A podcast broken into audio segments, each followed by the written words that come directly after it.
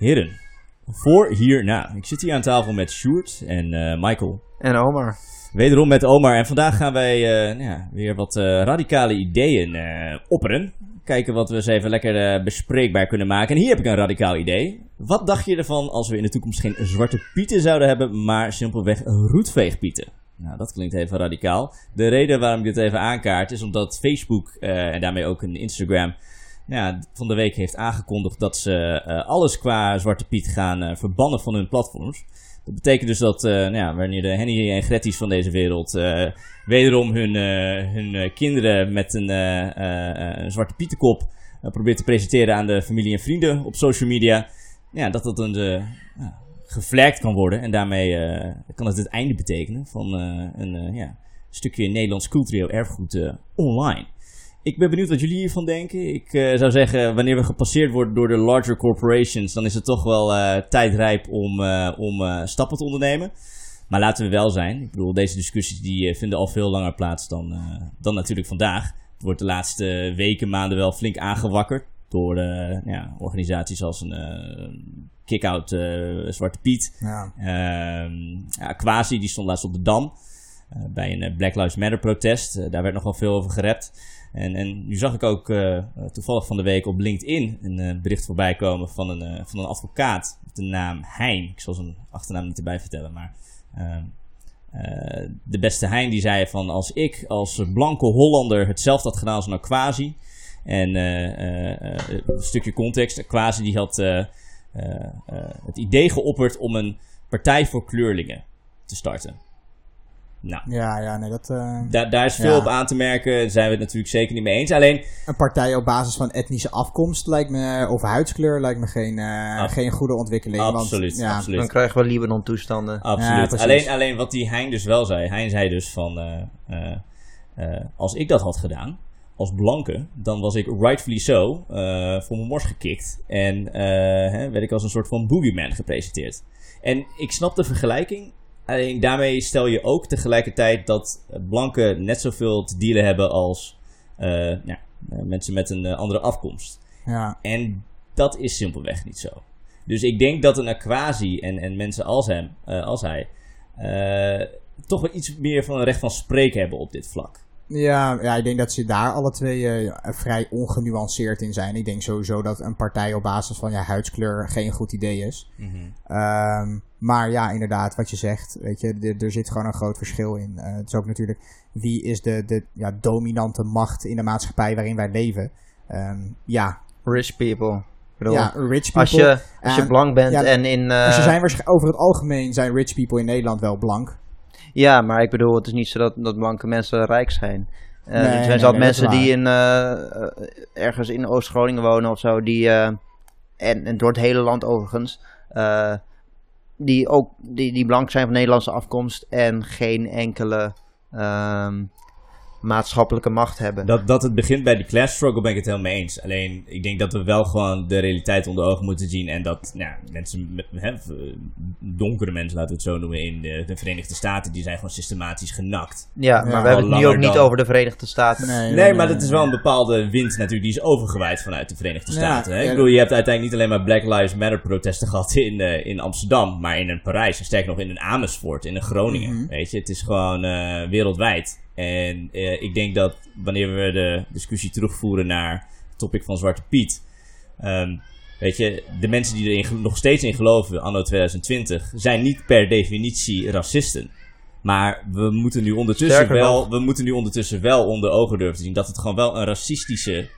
Ja, internationaal maar, wordt dit gewoon gezien als blackface. En maar het mooie is... vind ik het ook niet gek dat een, dat een Instagram of een Facebook, zeg maar, dit verbiedt. En wanneer ze maar dat het... doen, dan, dan weet je toch al hoe ver we zijn. Wanneer zelfs een Facebook ja, of ja, een... ja, internationaal gezien is het blackface. En voor mensen voelt het aan als traditie. En ja, dat is nou eenmaal zo en dat moet je niet veranderen. En het is een kinderfeest. Maar het mooie Ja. is dat in Nederland uh, individueel of persoonlijk racisme nagenoeg non-existent is. Er is zat institutioneel racisme, waarbij er uh, bijvoorbeeld in sollicitatieprocessen vooroordelen een rol spelen. Maar er zijn echt Krijgen van een hypotheek of eh, Ja. een woning. Zeker. Dus institutioneel zijn er zeker grote maatschappelijke problemen wat betreft racisme ook in Nederland. Maar op individueel niveau zijn er heel weinig mensen in Nederland die nog echt zoiets hebben van... Nou, ik vind dat mensen met een andere huidskleur geen rechten moeten hebben of zo. Nee, nee, nee, daar ben, ik, daar ben ik het niet met je eens, Sjoerd. Er is wel degelijk een, een bepaalde groep in onze maatschappij Ja, die je dat kan denkt. heus wel wat anekdotische En- en- voorbeelden ja, vinden, nee, ja. maar, maar, ja, tuurlijk. Maar ook gewoon uit mijn persoonlijke leven. Mensen die ik ken, inderdaad. Ja, dus anekdotische zeg maar, voorbeelden. Nee, maar daar, daar, nee, precies. Dat zijn anekdotische voorbeelden. Omdat je daar geen wetenschappelijk onderzoek naar kan doen. Dat Tuurlijk zijn wel. altijd anekdotische voorbeelden. Ja, Maar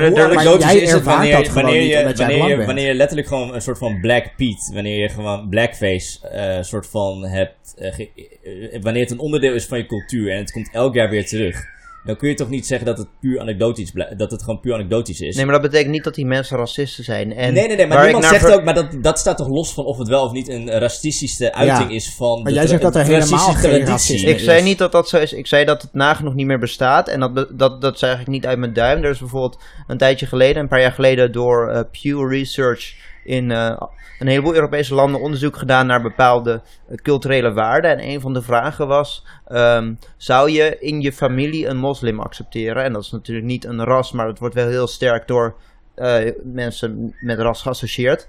En in Nederland, volgens mij het meeste, het hoogste percentage van alle ondervraagde landen, ehm, was het iets tussen de 80 en 90 procent die zeiden van ja, daar zou ik geen probleem mee hebben. Dus dat Tuurlijk, laat zien. wanneer het een moslim is die ook tegelijkertijd eh, eh, bereid is om eh ver rechts te stemmen.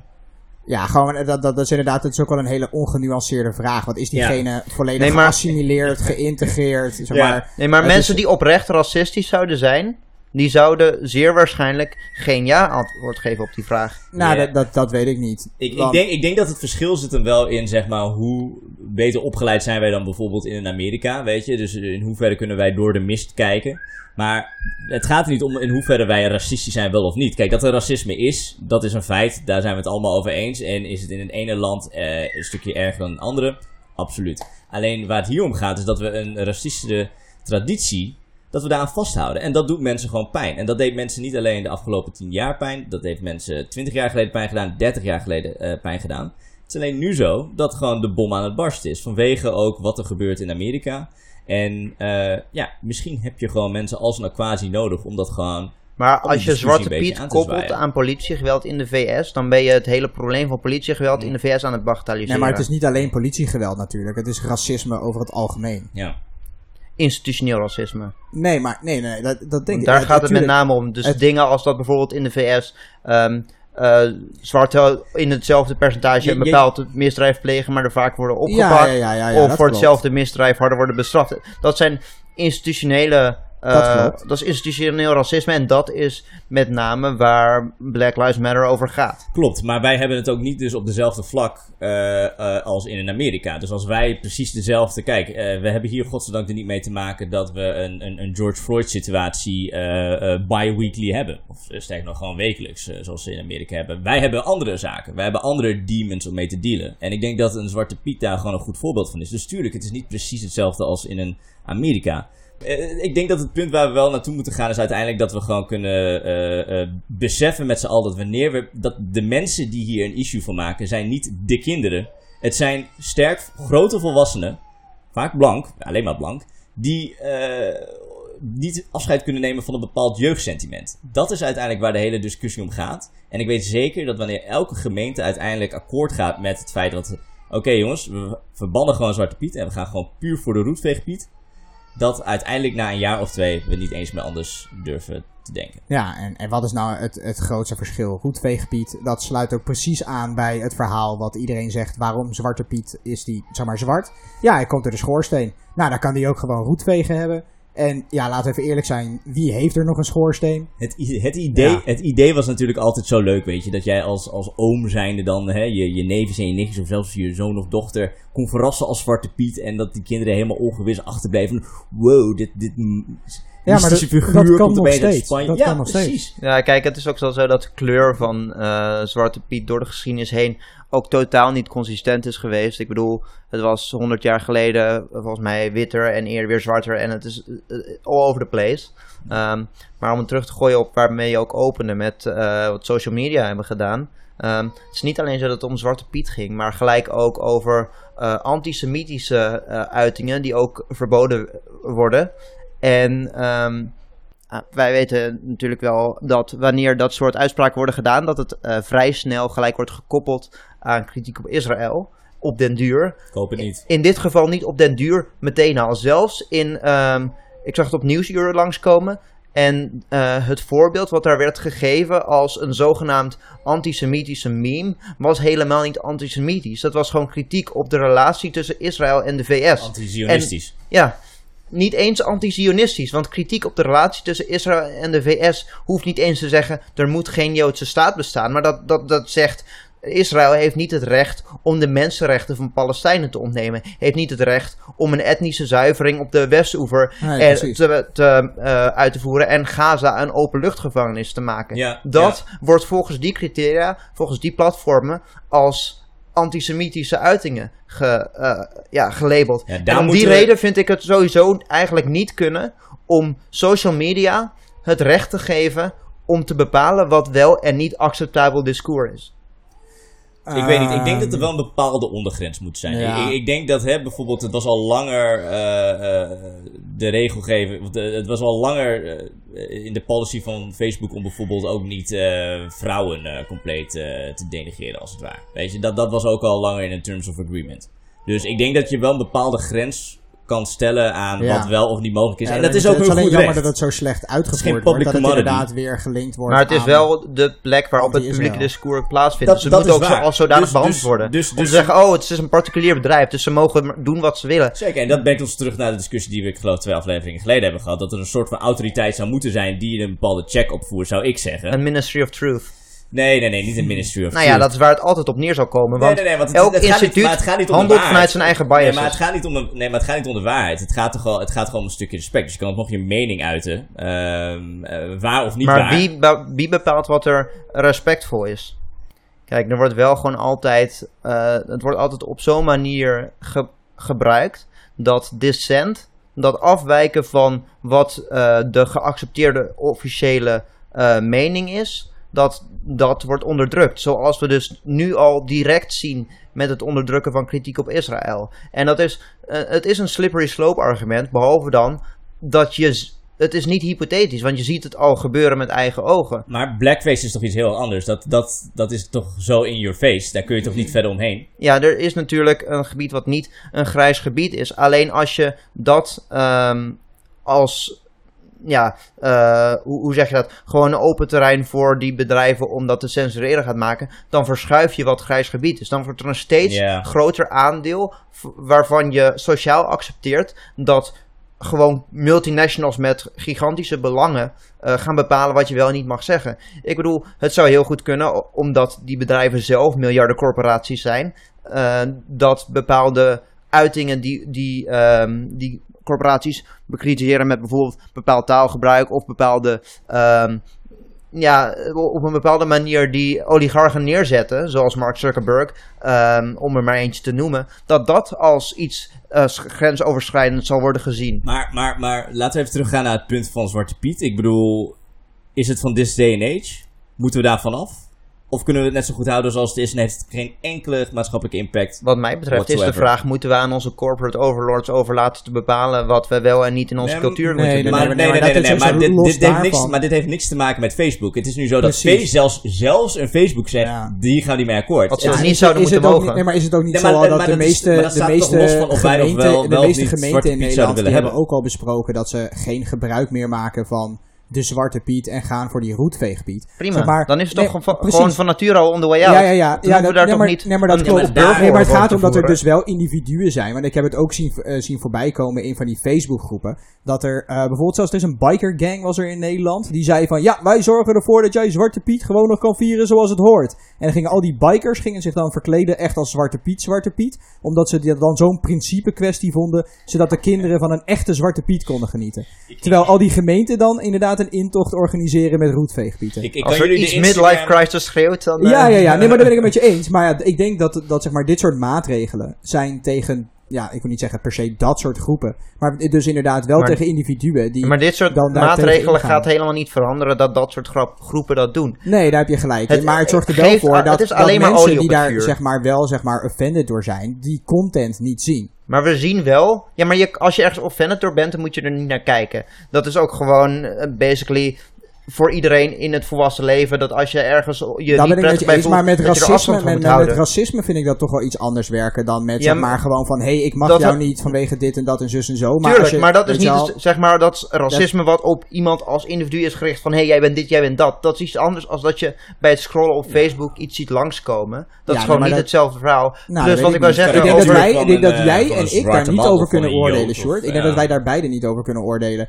Puur omdat wij die kleur niet hebben. En wij weten niet wat voor psychologische impact dat, was, dat op ons heeft. Maar als wij zien dat een bepaalde, me- bepaalde mensen die wel tot die groep behoren zeggen van... Hey, dit vind ik aanstootgevend en het kwetst mij gewoon. En weet je, het heeft gewoon impact op mensen hun levens. En het is een dan zouden daar gewoon Daar- moeten Dat moeten we ook niet vergeten. Maar- Ik bedoel, dit heeft een impact op gewoon heel veel kinderen. En het is gewoon nu voor heel wat kinderen niet meer een leuk kinderfeest. Dus ik denk dat op het moment dat grotere corporations je passeren op dat vlak... Daar gaat het uiteindelijk om. Dan is het meer dan tijd dat wij een, een Akazi en een... Eh, het doen alsof, oh, het, het blijft maar vastzitten en er verandert niks. Bullshit. Er is in de afgelopen jaren gigantisch veel veranderd. er in verandert nog steeds heel veel. Maar En- nog steeds en hebben wij een premier Nee, die me- enkel alleen maar durft te zeggen... Ja, ik dacht vroeger ook dat Zwarte Piet Ja, nee, maar was. nogmaals, het is zo dat er gigantisch veel verandert over de jaren heen. Dus dat laat zien dat er in de samenleving gewoon een ontwikkeling bezig is, Mhm. organisch, eh, waardoor dit verandert. Ja, organisch door dit Ja, soort ja, gesprekken, door dit soort discussies. Niet. Door, niet door te zeggen van, oké, nou, we gaan er niks aan doen, want het gaat gewoon veranderen. Door mensen die het constructief, ingaan. Alleen, je hebt aan beide kanten mensen die gewoon met hun hielen het zand ingaan. En hoe dieper ze aan de ene kant met de hielen het zand ingaan, hoe dieper ze aan de andere kant met hun hielen het zand ingaan. Dus het he- de hele manier waarop deze discussie wordt gevoerd, is niet een ehm, ja, maatschappelijk discours wat zich op die manier ontwikkelt. Maar echt eh, eh, gewoon partisan vechten over eh, iets wat nu al organisch aan het veranderen is. Ja, maar wat en dit nog soort niet dingen is alleen maar is. olie op Wat het nog niet- vuur. nee, nee, nee, nee, nee. Tot twee, drie jaar geleden hadden we gewoon nog Zwarte Piet bij de intocht. Dus je kan niet zeggen dat dit is nu al, we zijn er al. We zijn er nog Dat niet. zeg ik ook niet, maar ik zeg wel dat er gewoon een ontwikkeling op gang is. Ja, die- er is een ontwikkeling, maar er was ook al een ontwikkeling in de jaren negentig. Er waren toen al mensen die gewoon bij een, een of ander tv-programma zaten. Eh, ik, ik moet het even bijpakken. Maar dit was gewoon een, een programma in de jaren negentig. Ik geloof zelfs gewoon eh, AT5. Ehm, en eh, hier had je een aantal eh, dames uit Suriname die gewoon toen al aangaven. Ik geloof dat het 1997 was. eh, van ja, dit vinden wij aanstootgevend. Dit is voor ons niet een prettig feest. November, intocht Sinterklaas, is voor ons niet een, een fijne periode. En dat begon toen al. Dus toen was de discussie al gaande. Het is nu dat het geaccelereerd wordt. En hè, met de power van social media en, vele kunstenaars die er iets van, van te zeggen hebben. Eh, nemen we nu voorwaartse stappen. Alleen om dan nu gewoon achterover te leunen en te zeggen van ja, nou ja, weet je, hier, eh, hier houden we het dan bij. Eh Dat- lijkt me niet een goede maar me dat is ook niet wat ik zeg. Maar er, is een manier, je, er zijn verschillende manieren waarop je het kan benaderen. Je kan het Maar hoe zou jij het dan benaderen? Zou je het gewoon zo laten lopen als het nu gaat en dan gewoon stapgewijs elke keer weer een... Ik zou mensen wel gewoon een platform geven om daar bijvoorbeeld op tv over te discussiëren. Mhm. Ik bedoel, discours over iets ben ik eigenlijk altijd voorstander van, des te beter. Ehm, maar om op deze manier met de harde hand te, te gaan wat- zeggen wat- van wat is dit mag wel hand? en nou ja dat Facebook van, is toch niet de leidende mag- autoriteit Nee, maar het is gewoon, het, is, het enige wat je, zo moet je het zien, zou, zou ik zeggen, Sjoerd. Je moet het gewoon zo zien als, als zelfs een Facebook, waar we veel kritiek op hebben, rightfully so. Maar wanneer zelfs een Facebook zegt, yo guys, we gaan het met de harde hand aanpakken. We gaan het met de harde aanpakken. Maar dat is alleen maar zij zijn dus olie op het vuur. nee, maar hoe, hoe- Want mensen die, eh die eh, Ride or Die Zwarte Piet zijn.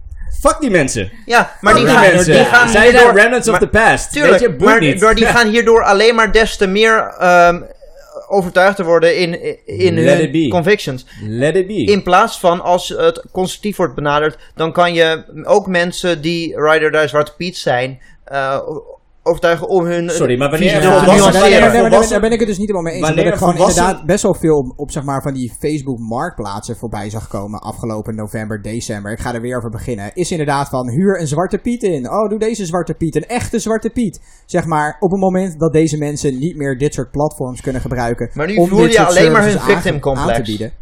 Ja, ja nou oké, maar dat interesseert me niet. Nee, maar als je hun victim complex voert, dan betekent het dat eh, je de, hoe militant ze hierin zijn alleen maar meer maakt. Ja, maar als ze sowieso niet willen- naar, Maar dat- naar reden willen er- luisteren. Het is toch sowieso genuanceerd. Niemand heeft ooit gezegd van we gaan Sinterklaas verbieden of er mogen geen pieten meer zijn. Dat Het is is niet zo dat niemand dat heeft gezegd hoor. Maar ja, er zijn, probeert- oké, er zijn- ja, oké, er zijn ongetwijfeld mensen zijn geweest die dat hebben gezegd, maar dat is uiteindelijk niet waar het nu om draait. Nee. Het is alleen maar van, hé hey, jongens, maak die Piet minder zwart, gooi roetveger op zijn gezicht.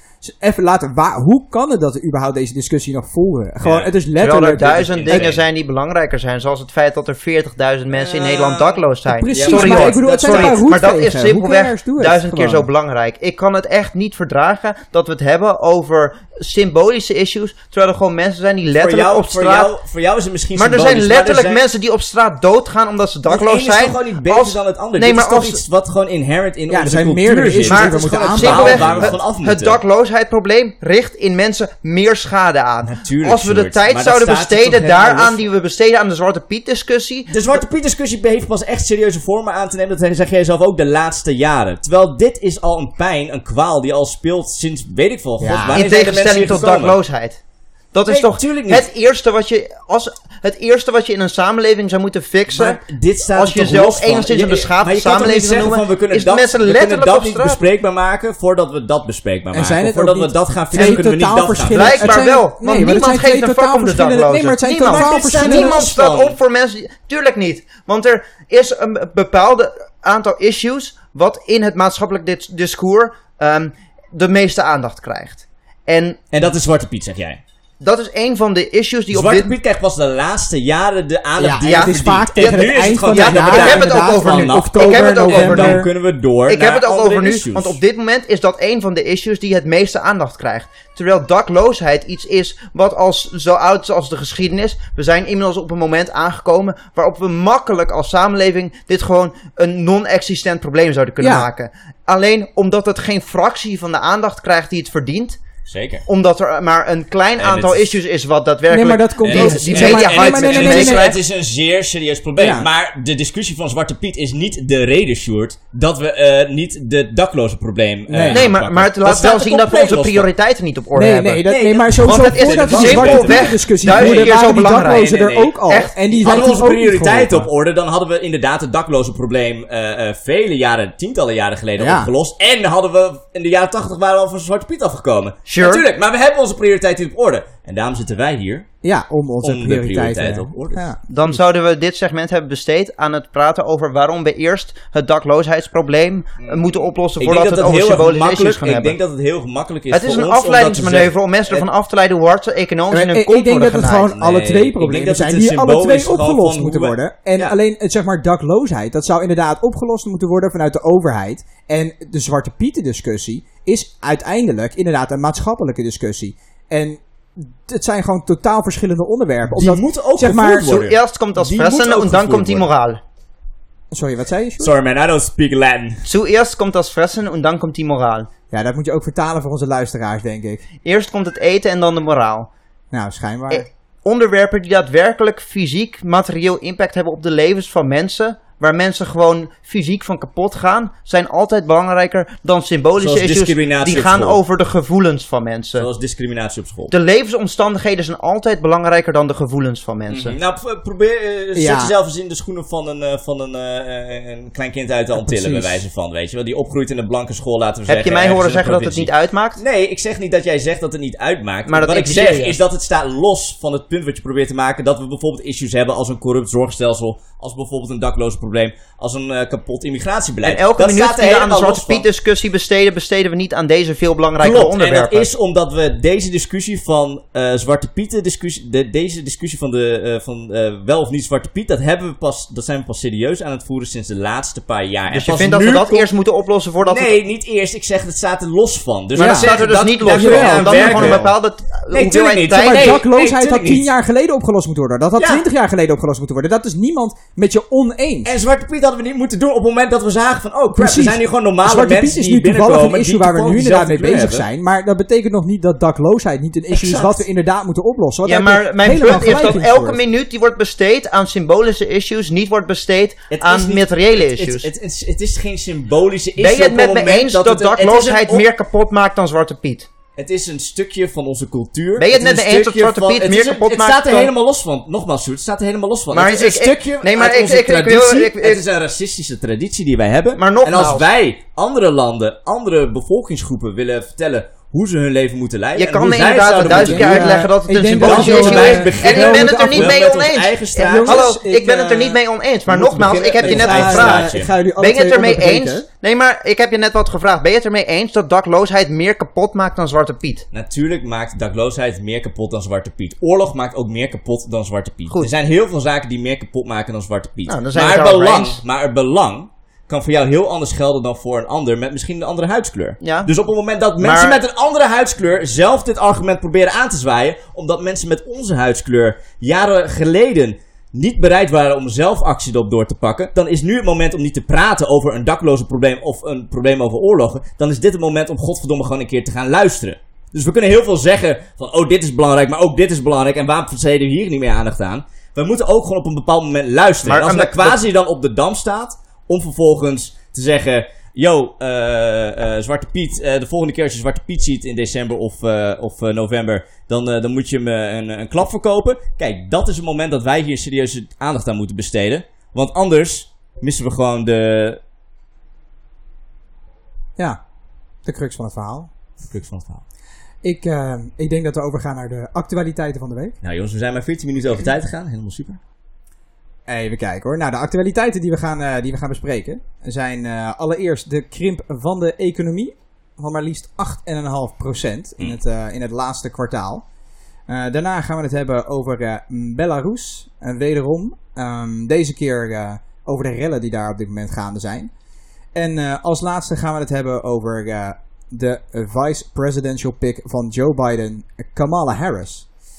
Ja, jongens. eh, de economie is gekrompen met 8,5%. Ehm desastreus wordt het genoemd.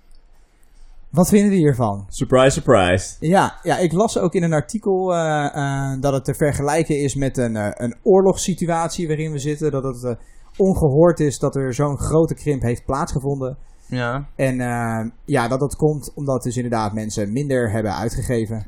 We, we hebben meer, eh, of we hebben nu de tot, tot nog toe Ja. ergste economische crisis uit de jaren 30 overtroffen. Ja, Goed bezig. maar ja, wat moeten we hier eigenlijk mee? Wat Ik denk dat we eerst moeten mee? kijken naar wat zegt dit. Want hoe kan nagenoeg een tiende van alle welvaart zo ineens weg, weg zijn? Dat, dat, dat is natuurlijk gewoon een probleem dat voorkomt uit het feit dat sowieso al het grootste deel van onze welvaart niet meer is gebaseerd op welzijn, maar op speculatieve groei. En als Ja. iets speculatief is, dan kan het van Ja. de ene op de andere dag verdampen. Ja, En dat is gewoon wat er verrot is aan de economie die we nu hebben, waarmee dit kan gebeuren. ja. Ja, alleen als je dan inderdaad ook kijkt naar, volgens mij hebben we het hier al een keer eerder over gehad. ehm, ja, is het wereldwijd natuurlijk de economie aan het krimpen. Maar dan zie je toch dat, eh, dat figuren als een Jeff Bezos gewoon over dit hele jaar weer, eh, weer iets van 100, eh, 100 Ja. miljard, 150 miljard Ja, geen idee sinds de coronacrisis is hij 78 miljard rijker Ja, geworden. precies. Dat is, dat is wat ik bedoel. Hoeveel? 78 miljard. Zeg maar, de wereldeconomie 78 is aan het krimpen. Zeg maar het aantal mensen dat op aarde leeft keer 10. Precies. dat is absurd. Het is absurd dat wij er allemaal op achteruit gaan. En dat de rijkste van de rijkste onder ons op deze hele wereld 70 miljard hebben verdiend. En tegelijkertijd zit in Amerika dit? nog steeds een eh, eh, Medicaid for All, zitten ze nog steeds te bediscussiëren. Precies. Wij zitten hier nog steeds een discussie te voeren of er wel of niet een universeel basisinkomen zou moeten Precies, komen. en- en- of wel een discussie over collegegeld. En dan zijn wij inderdaad eh, ja, onderling eh, zeg maar, discussies met elkaar aan het voeren van... Oh, wel of geen mondkapje dragen, het schaadt onze economie, et cetera, et cetera. Terwijl dit soort gasten Ja. gewoon glashard lachen. Die zitten lekker in een huis. They're laughing all the way to the bank. Exactly. Ik denk, exactly. ik denk dat je echt hiermee gewoon een stap terug moet nemen. Gewoon in de broader sense moet kijken van in wat voor maatschappij wil jij leven. Ja. Wil jij überhaupt in een samenleving leven, in een wereld waarbij iemand een miljardair kan worden?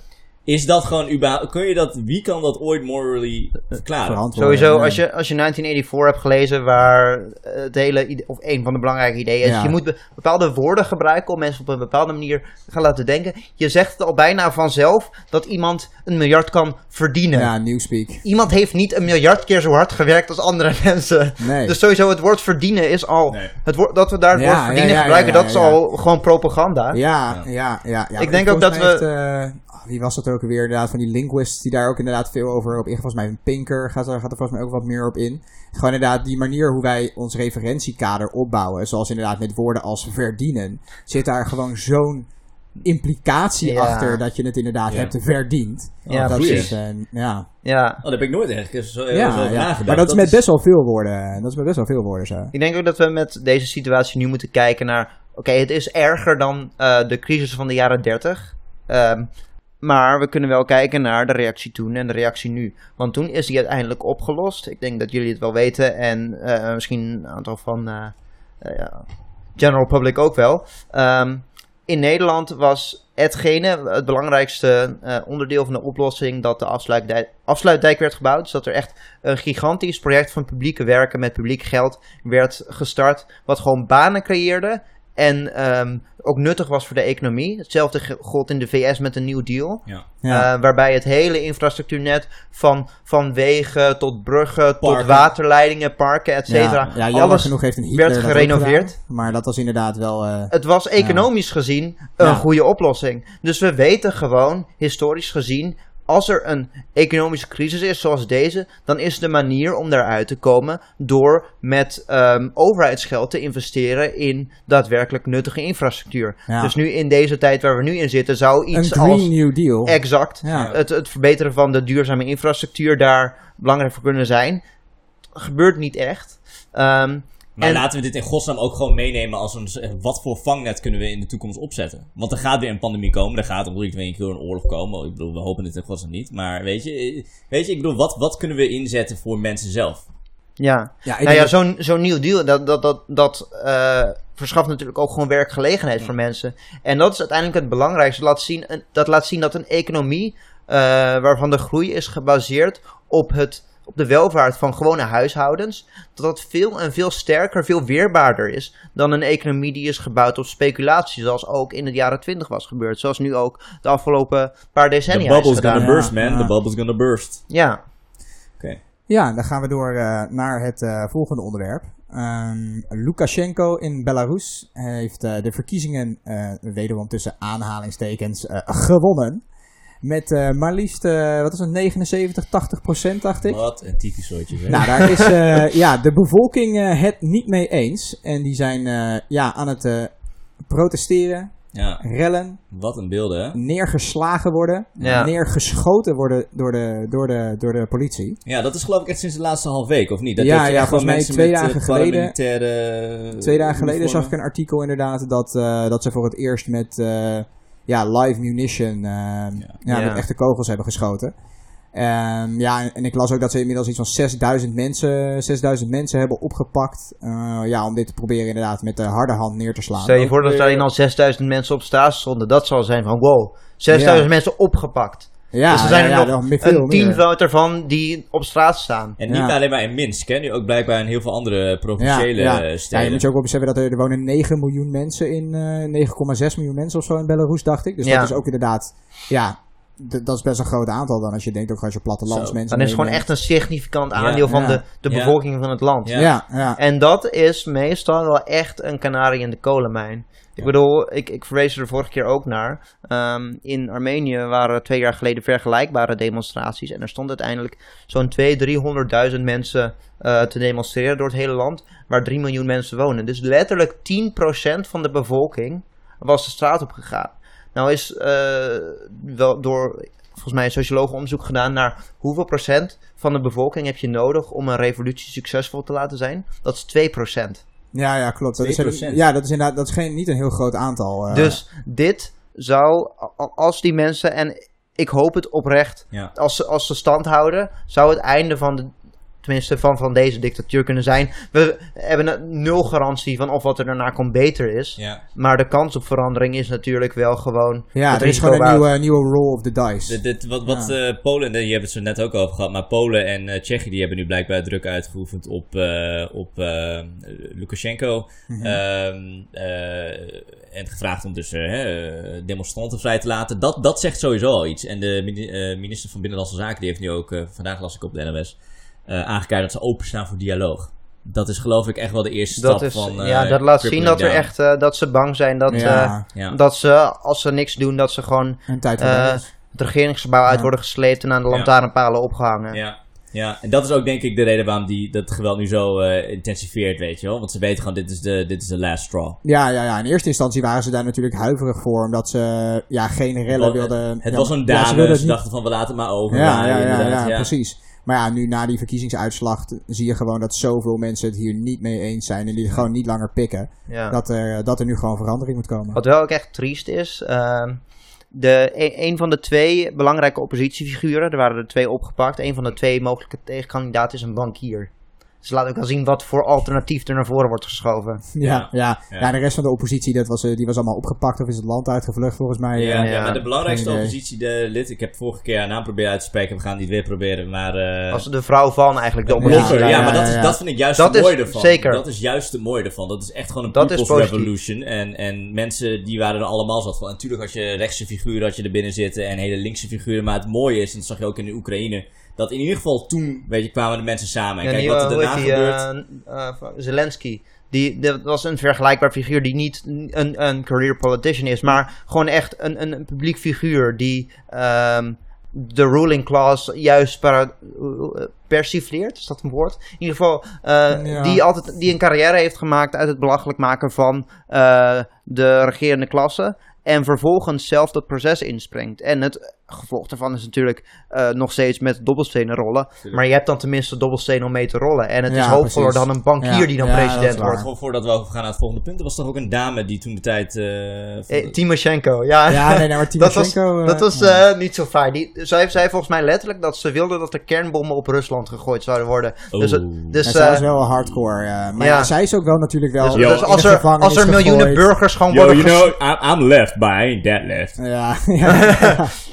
Als, Ja. als ze prima vindt dat er miljoenen burgers gewoon letterlijk eh, verbrand worden in een, in een kernexplosie, dan eh, weet je dat I'm gonna niet check out. ja, precies. Yes, gaan we door naar het eh, volgende onderwerp. Eh, Joe Biden heeft als zijn vice presidential kandidaat gekozen Kamala Harris. Ah, ja, wat gaan we Ik- hierover zeggen, jongens? Moet zeggen dat eh, ik, had, ik had een stukje hoop. Weet je, ik, ik, had, ik dacht ook echt niet alleen maar van.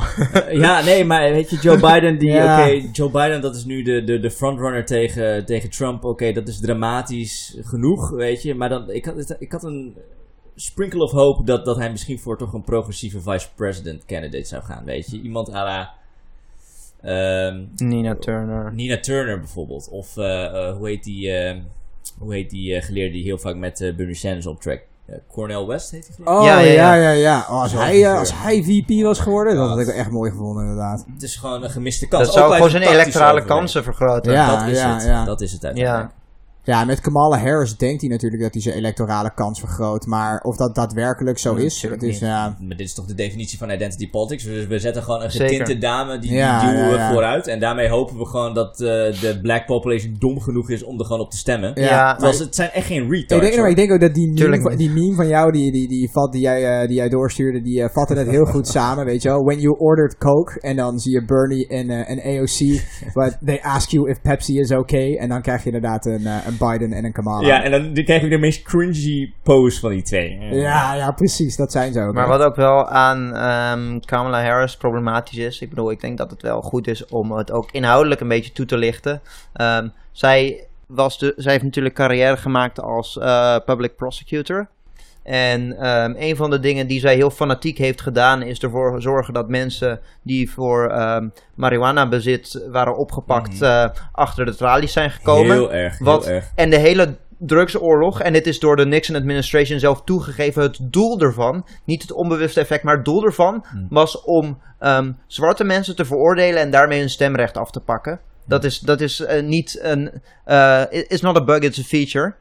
En daar is zij dus zelf een groot aanzwenger van geweest. Dus idee- Gabbard heeft hij hierop gehit hè, tijdens Ja, de debatten. Zeker. En wat zij dus ook heeft eh, gedaan, Kamala Harris, is ehm, in het gevangenissysteem in California, waar zij dus ehm, ja, hoog in de hiërarchie van stond.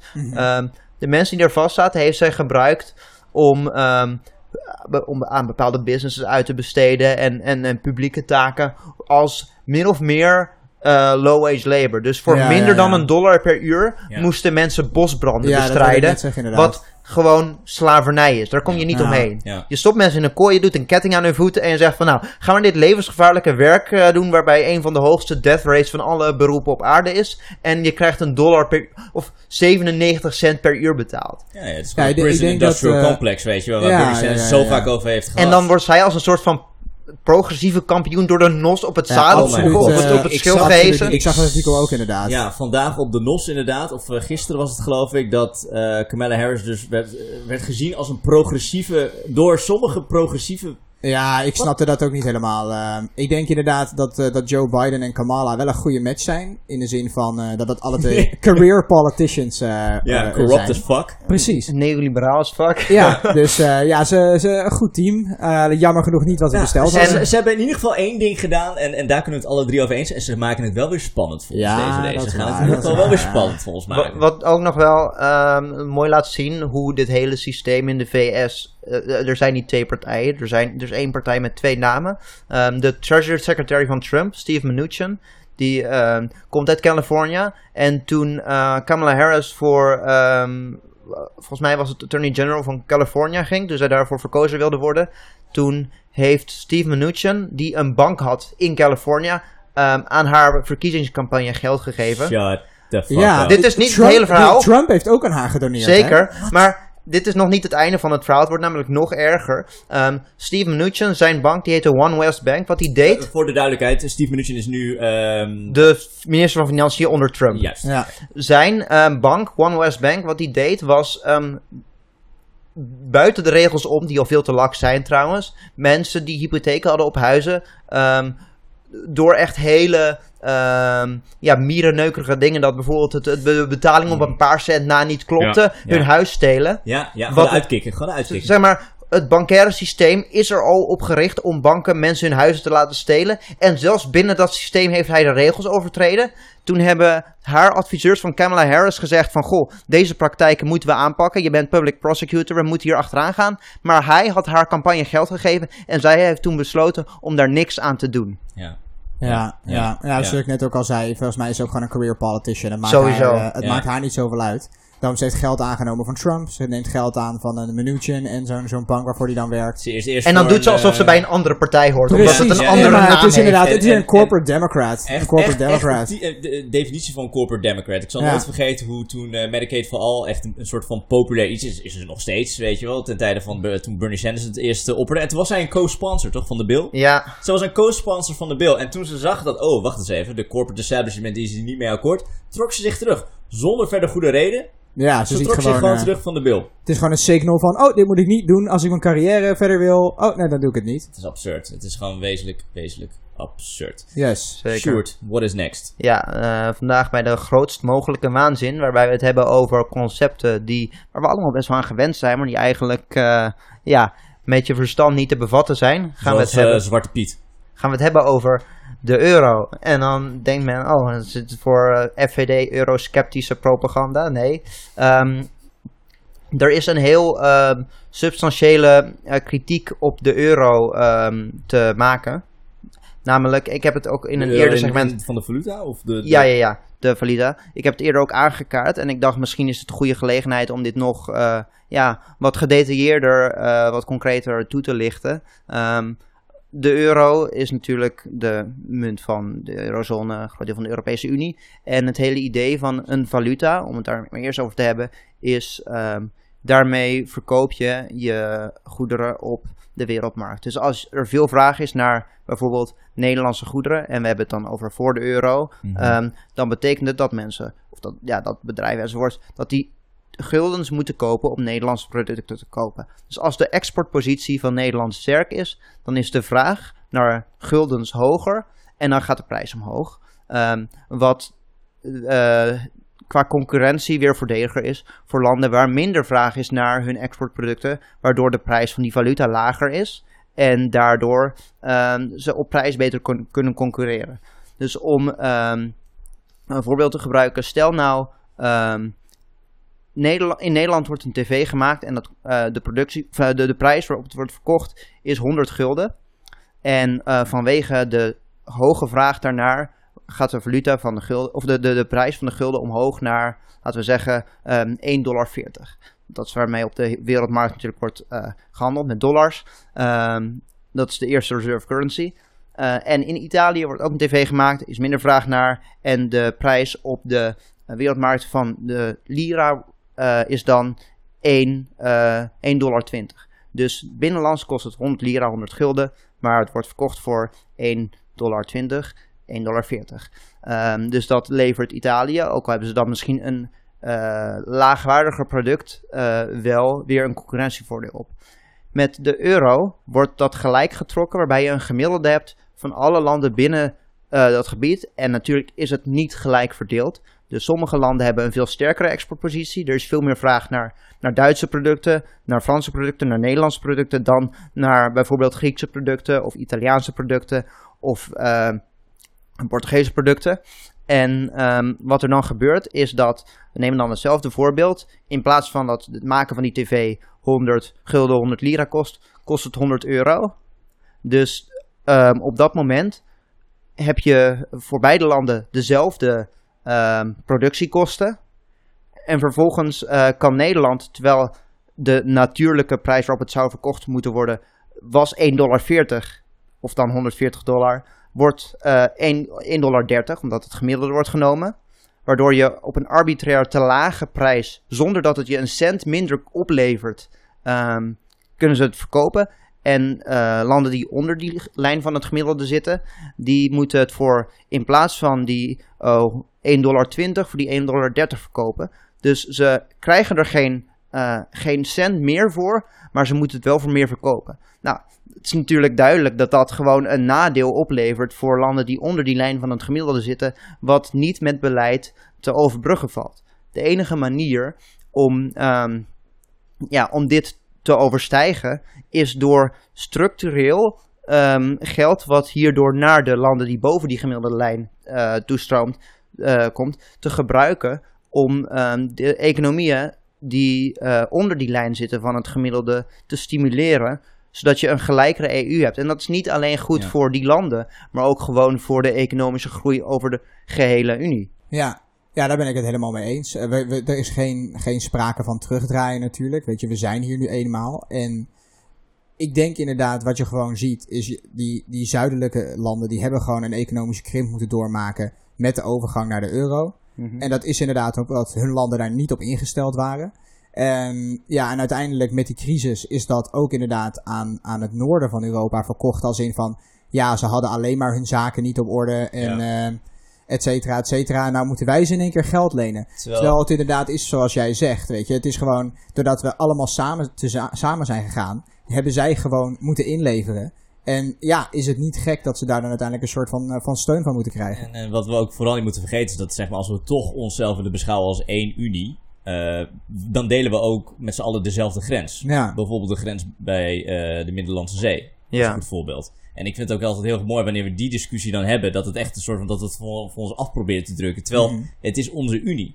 Weet je, het is ook onze grens. En we Ja. helpen niemand ermee als er eh, vluchtelingen blijven komen en, en blijven verzuipen en blijven eh, eh, eh, eh, eh, eh, aanstranden eh, bij de stranden van eh, Lampedusa, noem eens wat. Ja, Ja. ja, de Europese grens is dat is ook onze grens, een, weet je. Dat zijn ja. ook onze stranden. In ieder geval zo moeten we het wel beschouwen. Dus ik vind het meer dan normaal dat we gewoon het kleine beetje wat we dan extra krijgen, dat we dat doorvunnen naar die landen die het Ja, nee, maar die hebben natuurlijk wel het is- Europese organisaties het is ook die, dat, eh, die dat aanpakken, zoals Frontex en zo. Weet je, ik weet niet meer precies eh, ook weer hoe het allemaal heet. Maar, maar is het echt vanuit de EU? Of ja, zijn ja, dat ja, gewoon- Europese... EU maar worden, krijgen, die genoeg, krijgen die, worden die genoeg gesteund? Nou ja, het hele doel daarvan is natuurlijk niet om het probleem op te lossen, maar om een soort van kustwacht te zijn die eh, probeert om vooral mensen erbuiten te houden. Ja. Maar om het even op eh, de euro te houden, het is natuurlijk zo dat. eh, het is niet alleen zo dat, dat het zeg maar gewoon een voordeel oplevert eh, ten koste van Zuid-Europese landen. Het is echt een eh, structurele geldstroom van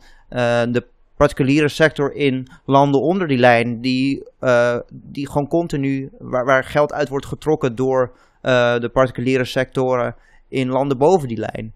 En eh, dat is met name ja, wat er hier aan ten grondslag ligt. Hoe- En dat wordt gewoon eigenlijk nooit door, ehm, eurocritici, pro-Europeanen, zelfs eurofederalisten, niemand heeft het over dit probleem. Terwijl degene die dit als eerste ehm, aan de kaak heeft gesteld, ik ben zijn naam even kwijt, maar dat is een Nobelprijswinnend econoom, econoom. Dus het is niet gewoon een of andere gekke Henkie die eh, in zijn kelder een idee heeft zitten op, uh, opstoven. wat meer geld, die kan op je omrol.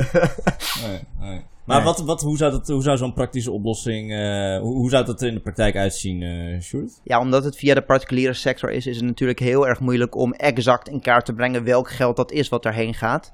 Ehm, want het is ook niet eh, alleen per industrie van Nederlandse tv's, Italiaanse tv's, maar ook bijvoorbeeld in Duitsland werd in het verleden veel leer uit Portugal geïmporteerd, omdat die een grote leersector hebben. Maar omdat die nu gewoon niet meer kunnen opconcurreren tegen de Chinese leersector, eh, mede vanwege dus die valutastijging, ehm, wordt dat kapot gemaakt. En in Duitsland wordt dan meer goedkoop leer geïmporteerd. Dus het is ook helemaal niet zo één op één te matchen. Ik denk dat de beste manier eh, om dat in kaart te brengen echt door exportheffingen is. En dat is natuurlijk... eh, Ja, Oh, dat heeft ook weer andere nadelen, omdat je- En, en dat nou ja, dingen. exportheffingen zijn met name iets wat er heel zelden gebeurt. Omdat je dan eigenlijk je eigen exportpositie als eh, Unie benadeelt. Ja, als zwart. Ehm, alleen, het moet ook niet een race to the bottom worden. richting exporteurs vanuit de EU. Hmm. Ehm, maar ja, het moet ook niet een race to the bottom worden. Nee, precies. Maar dat zie je dus vaak wel ook met, zeg maar, met, eh, met importheffingen. Zeg maar, het wordt altijd op een gegeven moment een race to the bottom. Als die worden afgeschaft, ja, zeker. Ja. Terwijl het wel gewoon... ehm, Nee, nee, nee, nee. nee. Bedoel, Zeker wel, want als er het ene land importheffingen eh, afschaft, dan eh, wil het andere land dat ook doen. Eh, of tenminste, nee, Nee, nee, ik bedoel zeg maar meer als je zeg maar tariffs, weet je wel, gaat, ja, zoals wat Trump heeft gedaan als met de tarieven van bijvoorbeeld eh, de, de, de import uit China, als we dat omhoog gooien, als we dat omhoog schroeven? Ja, maar dan zie je, wat je, wat je dan waarschijnlijk ziet, is dat als ook zeg maar in het begin van de jaren twintig zo, zeg maar dat je zo'n hele race to the bottom, zeg maar de andere kant op kreeg dan. Zeg maar dat je, iedereen gaat protectionistische maatregelen nemen, waardoor zeg maar dingen exporteren en importeren steeds duurder wordt. Waardoor Uit China bedoel ik, hè? Dus, nee, nee, dus- maar over, dit, dit is mondiaal. Je kan dat niet zien als alleen, denk ik, tegen, tegenover één land. Je kan, zeg je kan niet, je kan niet Je kan als, producten uit een bepaalde regio, uit een bepaald land gewoon... Jawel, Nou dat, ja, dat kan. Alleen dat heel voor delicaat. tegenmaatregelen. Dat zorgt voor tegenmaatregelen. En vaak zie je dat dat escaleert. En dan zijn er andere landen die ook, als je dat, worden. ook als je dat achterwege laat. Zeg maar sowieso heffingen op echt grondmaterialen zoals staal. Dat is echt gewoon heel erg dom. Want eh, dat was een tijdje geleden ook Ja, door de Amerika, VS gedaan. ja, ja, met ja. op Europees staal. Wat Ja, ja, ja, kwalitatief letterlijk beter was dan, dan Amerikaans staal. En het was inderdaad zo dat dat goed was voor de Amerikaanse staalindustrie. Daar had het inderdaad een positief effect op de banen. Ja. Maar het had een negatief effect op letterlijk elke andere industrie die staal gebruikt. Wat Ja, letterlijk precies. elke andere industrie is. Ja, ja, ja, daar komt het ook weer op neer. Dan heb je gewoon alsnog economische krimp. Dan stimuleer je één, eh, één sector. Maar dan gaan er drie, vier andere aan Ah. onderdoor. Ja, ja. Ja. dus, dus ja, de, de reden waarom ik het opperde was vanwege dat voorbeeld dat je net noemde met leer bijvoorbeeld uit een Portugal. Ik zou me ook goed kunnen voorstellen dat je leer uit een China gewoon higher zou taxen, maar dat, zo simpel is het Nee, maar niet. ik denk Nee. dat we ook niet meer moeten denken in die in, ja, traditionele economische termen. Want daar gaan we dit probleem gewoon niet mee oplossen. Ik denk dat we inderdaad moeten kijken naar van oké, een de zuidelijke landen produceerden vroeger dit. Wat kunnen we doen? Bijvoorbeeld inderdaad door middel van een Europese Green New Deal. Dat zou, dat zou ik helemaal prachtig vinden. Zodat we dat gewoon letterlijk als, als één Europa kunnen aanpakken. Ja. En gewoon kijken van, hé, hey, welke industrieën kunnen we hier plaatsen om deze economie te stimuleren? Hmm. Welke industrieën kunnen we daar plaatsen? Zodat het gewoon allemaal, zeg maar, intern goed loopt. Ja. En dan pas In naar buiten kijken van, Ja. hé, hey, weet je wel, welke markten zouden kunnen we bespelen? En dat et moet dan natuurlijk ook Eh, gewoon gericht zijn op het eh, stimuleren van de meest onderontwikkelde economieën op dit Ja, moment. ja. Stukje daar ben ik het helemaal mee En het is niet alleen zo- binnen eh, de EU. En het, is, ja, en het is niet alleen dat er dan geld vanuit Noord-Europa daarheen gaat en het is weg. Ik bedoel, als de Ja, heb je exportpositie... Helemaal bij je boos, hè? Dat, eh, dat heb je woest. Als de exportpositie van ehm, eh, Zuid-Europese landen sterker wordt, dan heb je ook gewoon als hele EU meer, eh, meer, meer revenue uit belasting om te investeren in het verder ontwikkelen van de economie, wat ook gewoon goed is voor de exportpositie van eh, Noord-Europese landen. Ja. En eh, met dat, heren, denk ik dat we ten einde zijn gekomen van, eh, van wederom een episode van uh, Voor je Na. Ik wil jullie hartelijk danken voor, de voor de tijd. En we gaan er nu eventjes uh, tussenuit, geloof ik, of niet? Ja, ik Dat denk, lijkt me wel. Week, Ja. of, week of twee zijn we terug, denk ik. week of twee zijn we weer terug. Ja. Ik hoop niet dat er veel gaat gebeuren in de tussentijd. Vast niet, zal wel niet. Nou, je weet het nooit. In ieder geval eh, heel veel succes. Iedereen mocht er wel wat gebeuren. Mocht, eh, mocht de revolutie zijn uitgebroken, succes en eh, zorg dat je weet waar je blikken met eh droogwaren en Ja, eh, ja, ja, bonen en dergelijke liggen. Tot dan. Tot dan.